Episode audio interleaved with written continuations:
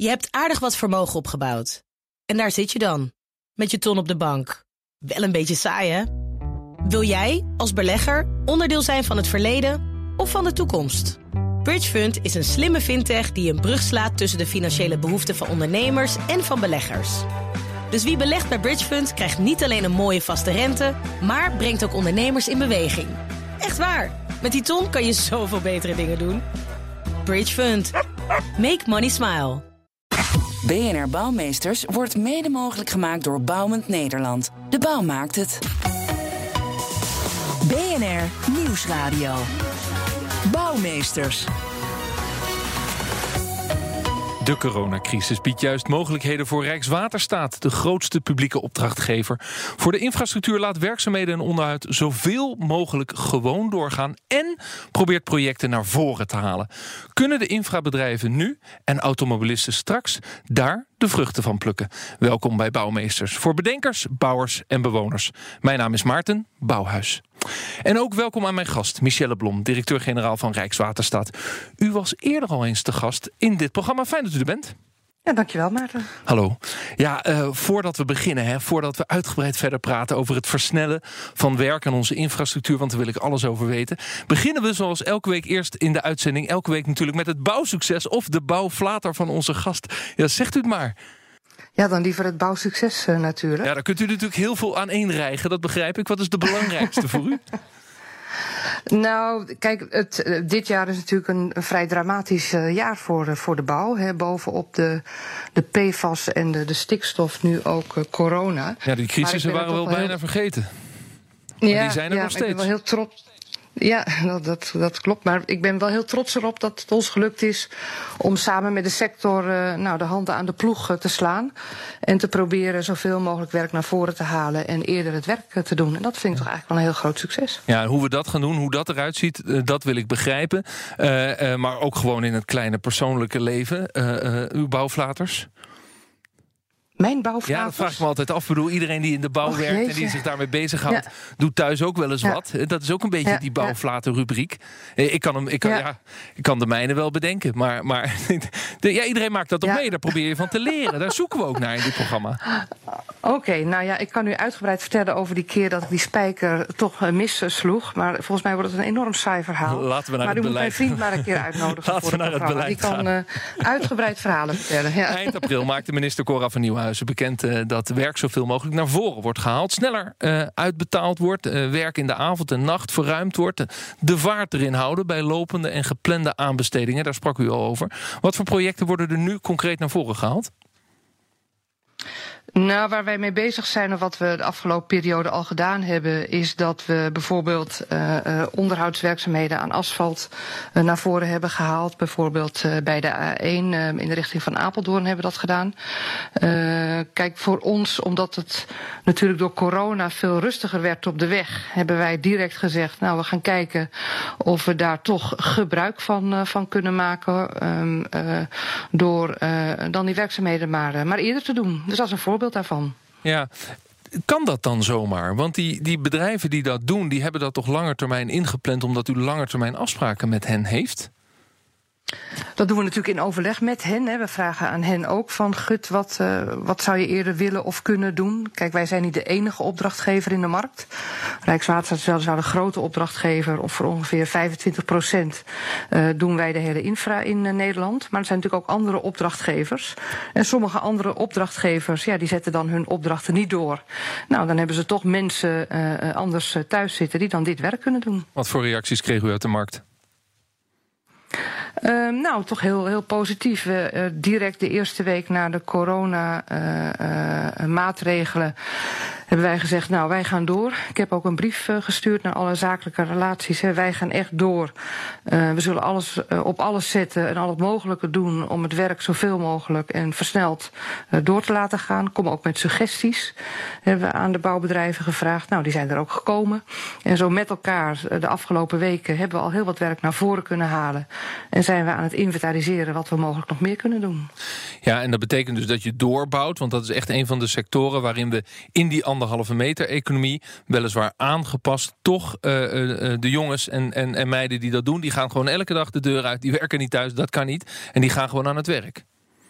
Ja, kijk, en dat is voor Rijkswaterstaat, maar natuurlijk voor Nederland ook van groot belang, hè, dat het werk doorgang uh, vindt. En we willen niet dat dat, uh, dat stil uh, staat. Ten eerste omdat de mensen gewoon hun werk moeten blijven doen, maar ook omdat we graag willen dat die infra er goed bij blijft staan. En door dat werk door te, te laten gaan, gebeurt, gebeurt dat ook. Een deel van die en we projecten... willen graag dat. Ja. Een deel van die projecten, de werkzaamheden aan de A1, de A8 en de A10, ring Amsterdam, die hoort ook bij de grote ja. onderhoudsopgave van bruggen, tunnels en viaducten in Noord-Holland, die vorig jaar werd gestart. Um, bent u er blij mee of zorgt dit nou voor extra druk op de ketel dat we hier wel heel veel tegelijk gaan doen, nu jullie dus ook projecten naar voren hebben gehaald? Nou, volgens mij kan niemand zeggen dat je blij bent met uh, corona. Dat, uh, dat, dat zal echt niemand zeggen. Dat zal ik ook niet uh, zeggen. Het is wel zo dat als zoiets voordoet, dat je natuurlijk kijkt of je er dan toch nog iets van weet te maken. Ehm, en ik denk door wat wij nu doen als Rijkswaterstaat, zoveel mogelijk proberen werk naar voren te halen. Zodat we later ook weer extra werk de markt in kunnen zetten. Nou, daar helpen we de bouwsector mee. Daar helpen we uiteindelijk de, de mensen op de weg mee mee, want die hebben dan met een goed onderhouden weg te maken. En daar helpen we ook Rijkswaterstaat mee.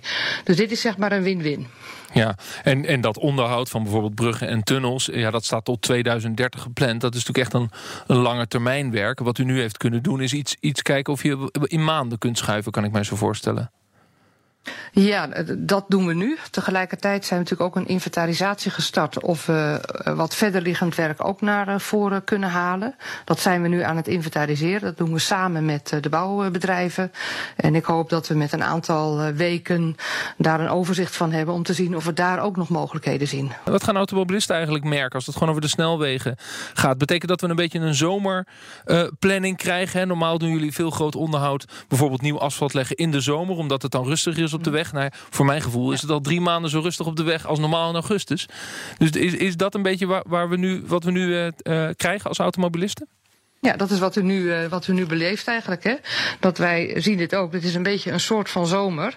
Nou, laten we daar dan gebruik van maken en eerder dat onderhoud doen.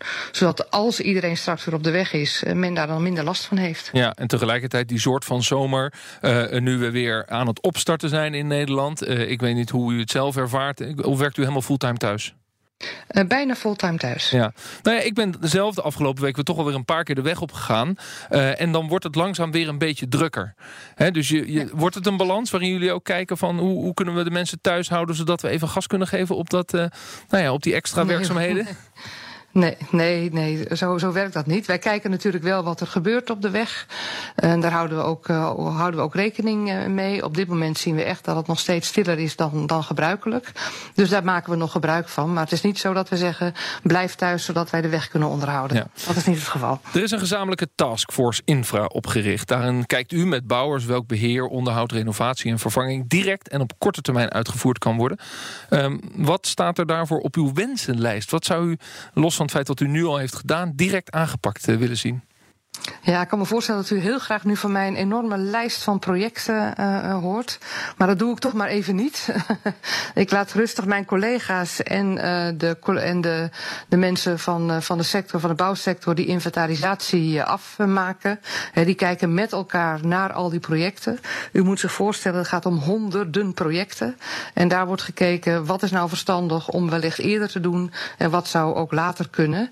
En ik denk niet dat het verstandig is dat ik daar nu al, uh, al concrete projecten gaan noemen. Ja, je zou ook kunnen zeggen, bepaalde zijn urgent.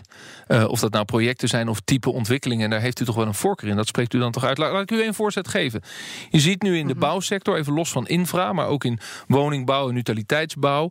Uh, dat we kunnen kijken of we deze crisis kunnen gebruiken voor een extra verduurzaming. Hoe kunnen we nou op een slimme manier uh, bijvoorbeeld uh, op afstand bouwen en minder uh, verkeer richting de bouwplaatsen krijgen, omdat we een trend die eigenlijk al begonnen was, dat we die kunnen versnellen. Dat is een van de dingen die er nu in deze coronacrisis gebeurt. Ik kan me voorstellen dat op, op zo'n terrein, als het gaat over verduurzaming, als het gaat over stil asfalt, wat, wat wellicht ook energiezuiniger is, dat u dat soort dingen namens een, laten we zeggen, de Nederlandse Rijksoverheid op, op het lijstje zet in die samenwerking? Zeker. Kijk, uh, wij hebben, of de minister heeft een aantal maanden geleden naar de Kamer een brief gestuurd waarin ze zegt: ik wil op, uh, op weg naar een uh, vitale bouwsector, waar juist dit soort elementen als verduurzaming, maar ook de hele digitalisering aan de orde zijn. En natuurlijk kijken wij bij al die projecten of we daar die verduurzaming in kunnen brengen, die digitalisering in kunnen brengen, zodat als die economie weer start, hè, we het niet over de oude economie hebben, maar gelijk aan een nieuwe economie zijn begonnen. En dat is zeker onze bedoeling. Ja, dus dat is ook uw inbreng in zo'n taskforce. Als u één punt op de agenda legt, dan is het wel die. Ja, nou, maar ook innovatie op hele andere uh, manieren. En dat klinkt misschien heel simpel, maar uh, wij zijn natuurlijk een bedrijf dat grote aanbestedingen uh, doet. En normaal gesproken doen we dat in zaaltjes met heel veel aannemers, waar we dan gesprekken mee hebben over wat de bedoeling is van dat bepaalde project, welke verwachtingen wij hebben, wat voor soort duurzaamheidseisen wij hebben. Normaal gesproken doen wij dat in, in zaaltjes met heel veel aannemers. Nou, dat gaat nu niet. Dus dat doen we tegen tegenwoordig met uh, webinars. En daar waren sommige mensen best wel huiverig voor. Maar het blijkt dat dat heel goed werkt. U mist dus de zaaltjes met de bouwers niet? Nee, dus dat kan uh, uh, heel goed ook op deze manier. En, uh, en zelfs ook soms efficiënter. Ja, het is wel even wennen. Maar... Wanneer, wanneer verwacht u de resultaten van de taskforce? Want er wordt dus nu hard gewerkt, begrijp ik? Ja, er wordt hard gewerkt. Ik denk dat we met een paar weken, uh, zo tegen de zomer, uh, uh, daar echt wel zijn om al die honderden projecten, zeg maar, geïnventariseerd te hebben.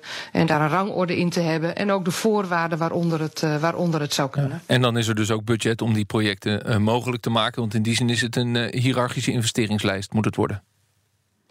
Nou, dat is natuurlijk een van de voorwaarden die daarbij hoort. Hè, van uh, hoeveel geld is daarvoor nodig, maar ook... Uh, uh, oh, die puzzel mag de taskforce zelf ook leggen. Hè? Want ik zie hier bedragen staan waarover gesproken wordt. 100 miljoen in 2020 extra, 165 miljoen extra in 2021. Of zijn die bedragen al gekaderd door u? Nee, deze bedragen die u noemt, de 100 en de 165, die zijn door de minister uh, al uh, uh, meegegeven. Daar maken we nu al planningen voor. Dus die zult maar het kan zijn dat de taskforce zegt, als u dit soort projecten belangrijk vindt op de lijst, bijvoorbeeld een stuk verduurzaming, dan moet er extra geld bij. En, en dan, ja, dan kunnen we die vraag ook neerleggen bij de minister.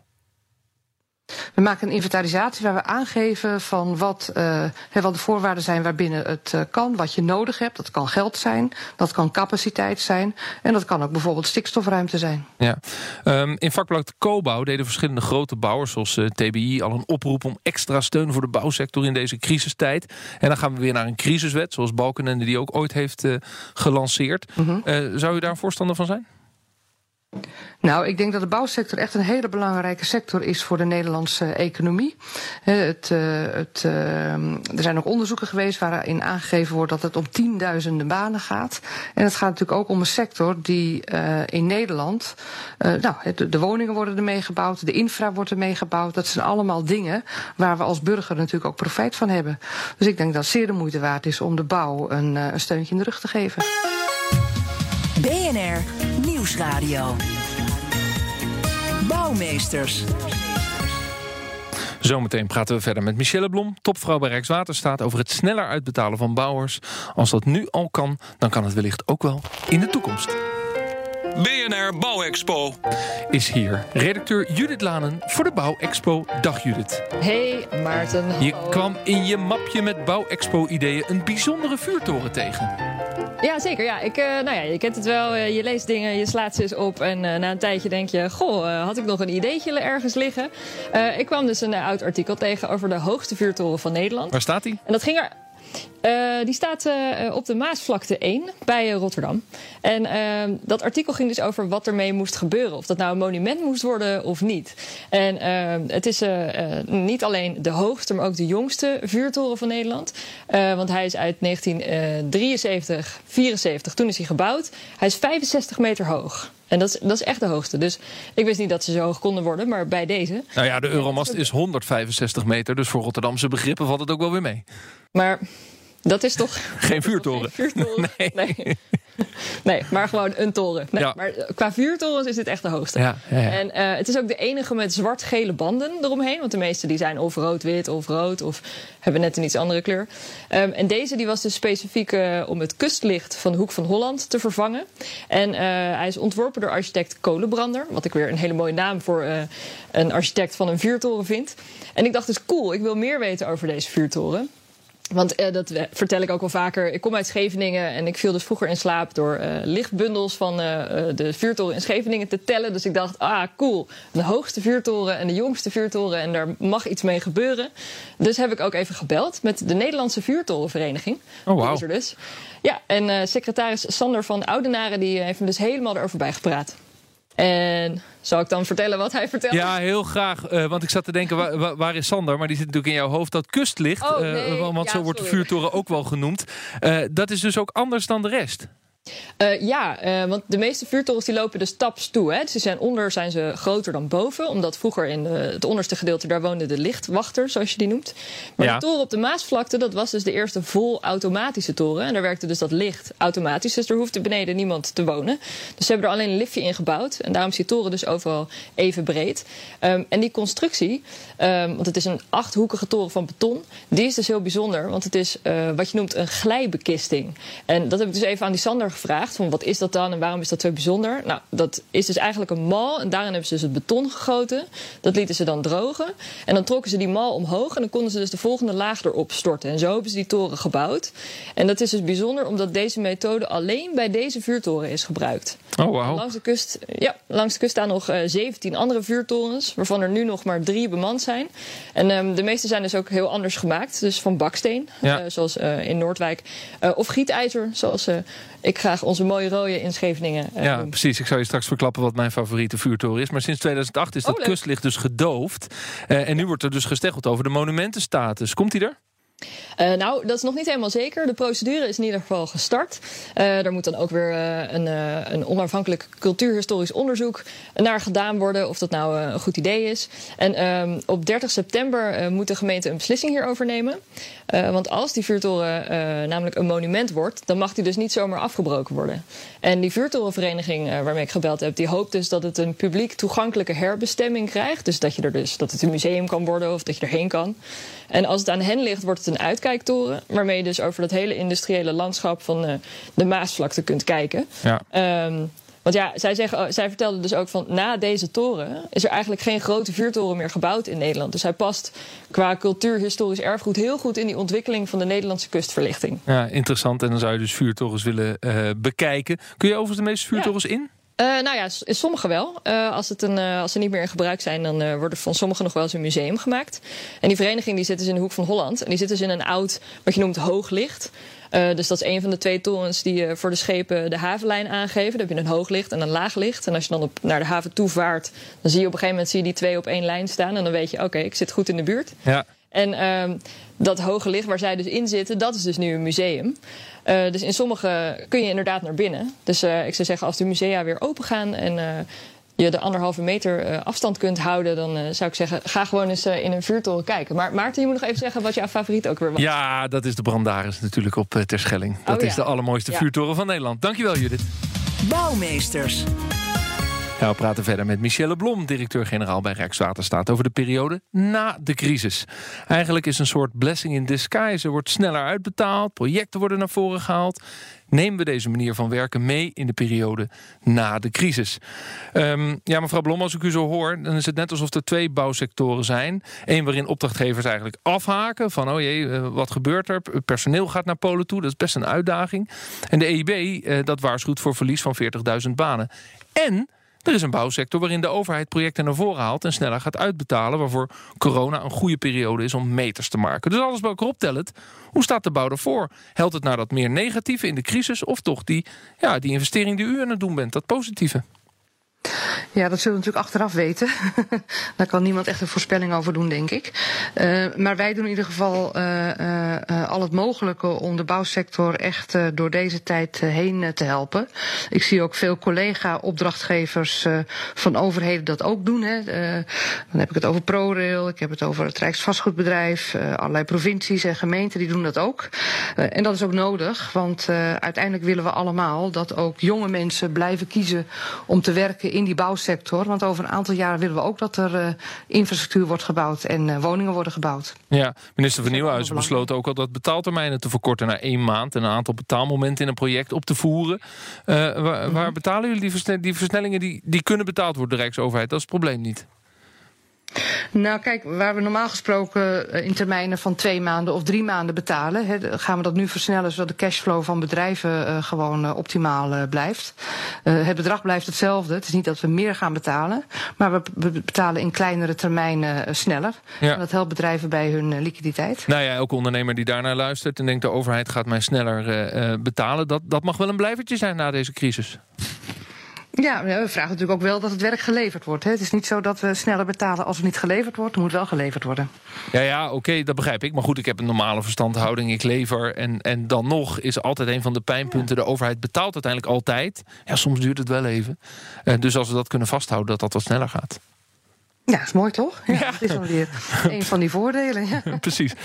Aanbestedingen die al eh, liepen en gepland waren, gaan zoveel mogelijk door. Hè? Dat zei u al. Normaal gesproken kwamen bouwpartijen ook bij elkaar in marktconsultaties. Die vinden nu ook op afstand plaats. We hadden het uh, mm al eventjes over ja, de webinars en de teamcalls waar heel Nederland in zit. Hoe gaat dat met die marktconsultaties online?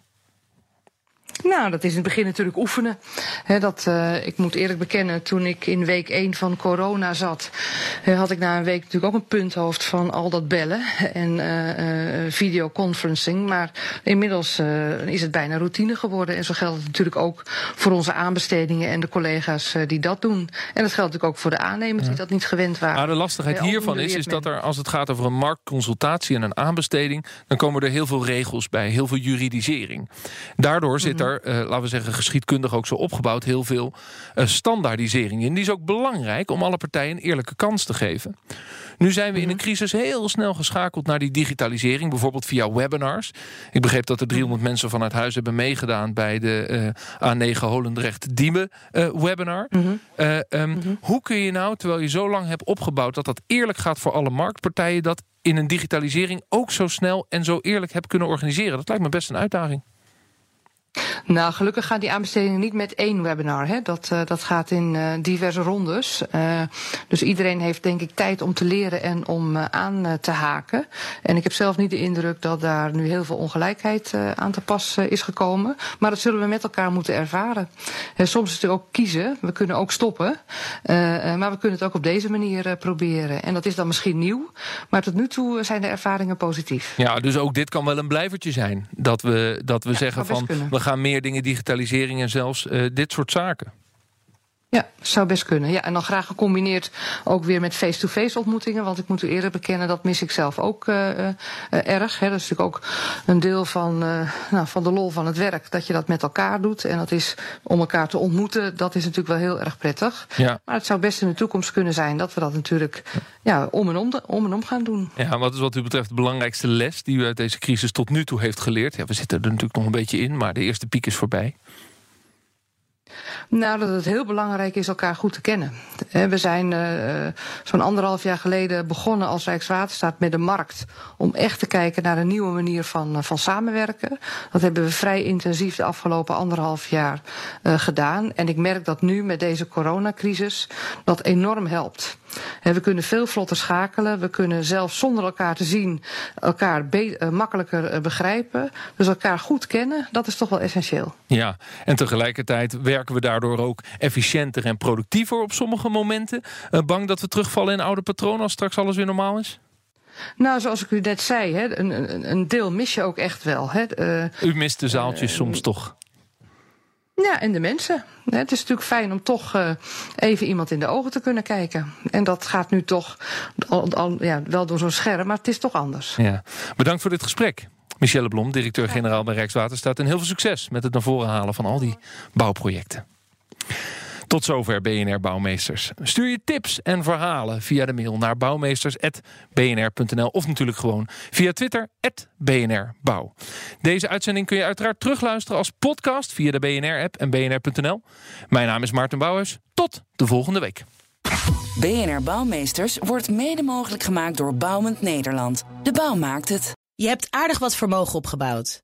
En daar zit je dan, met je ton op de bank. Wel een beetje saai, hè? Wil jij, als belegger, onderdeel zijn van het verleden of van de toekomst? Bridgefund is een slimme fintech die een brug slaat tussen de financiële behoeften van ondernemers en van beleggers.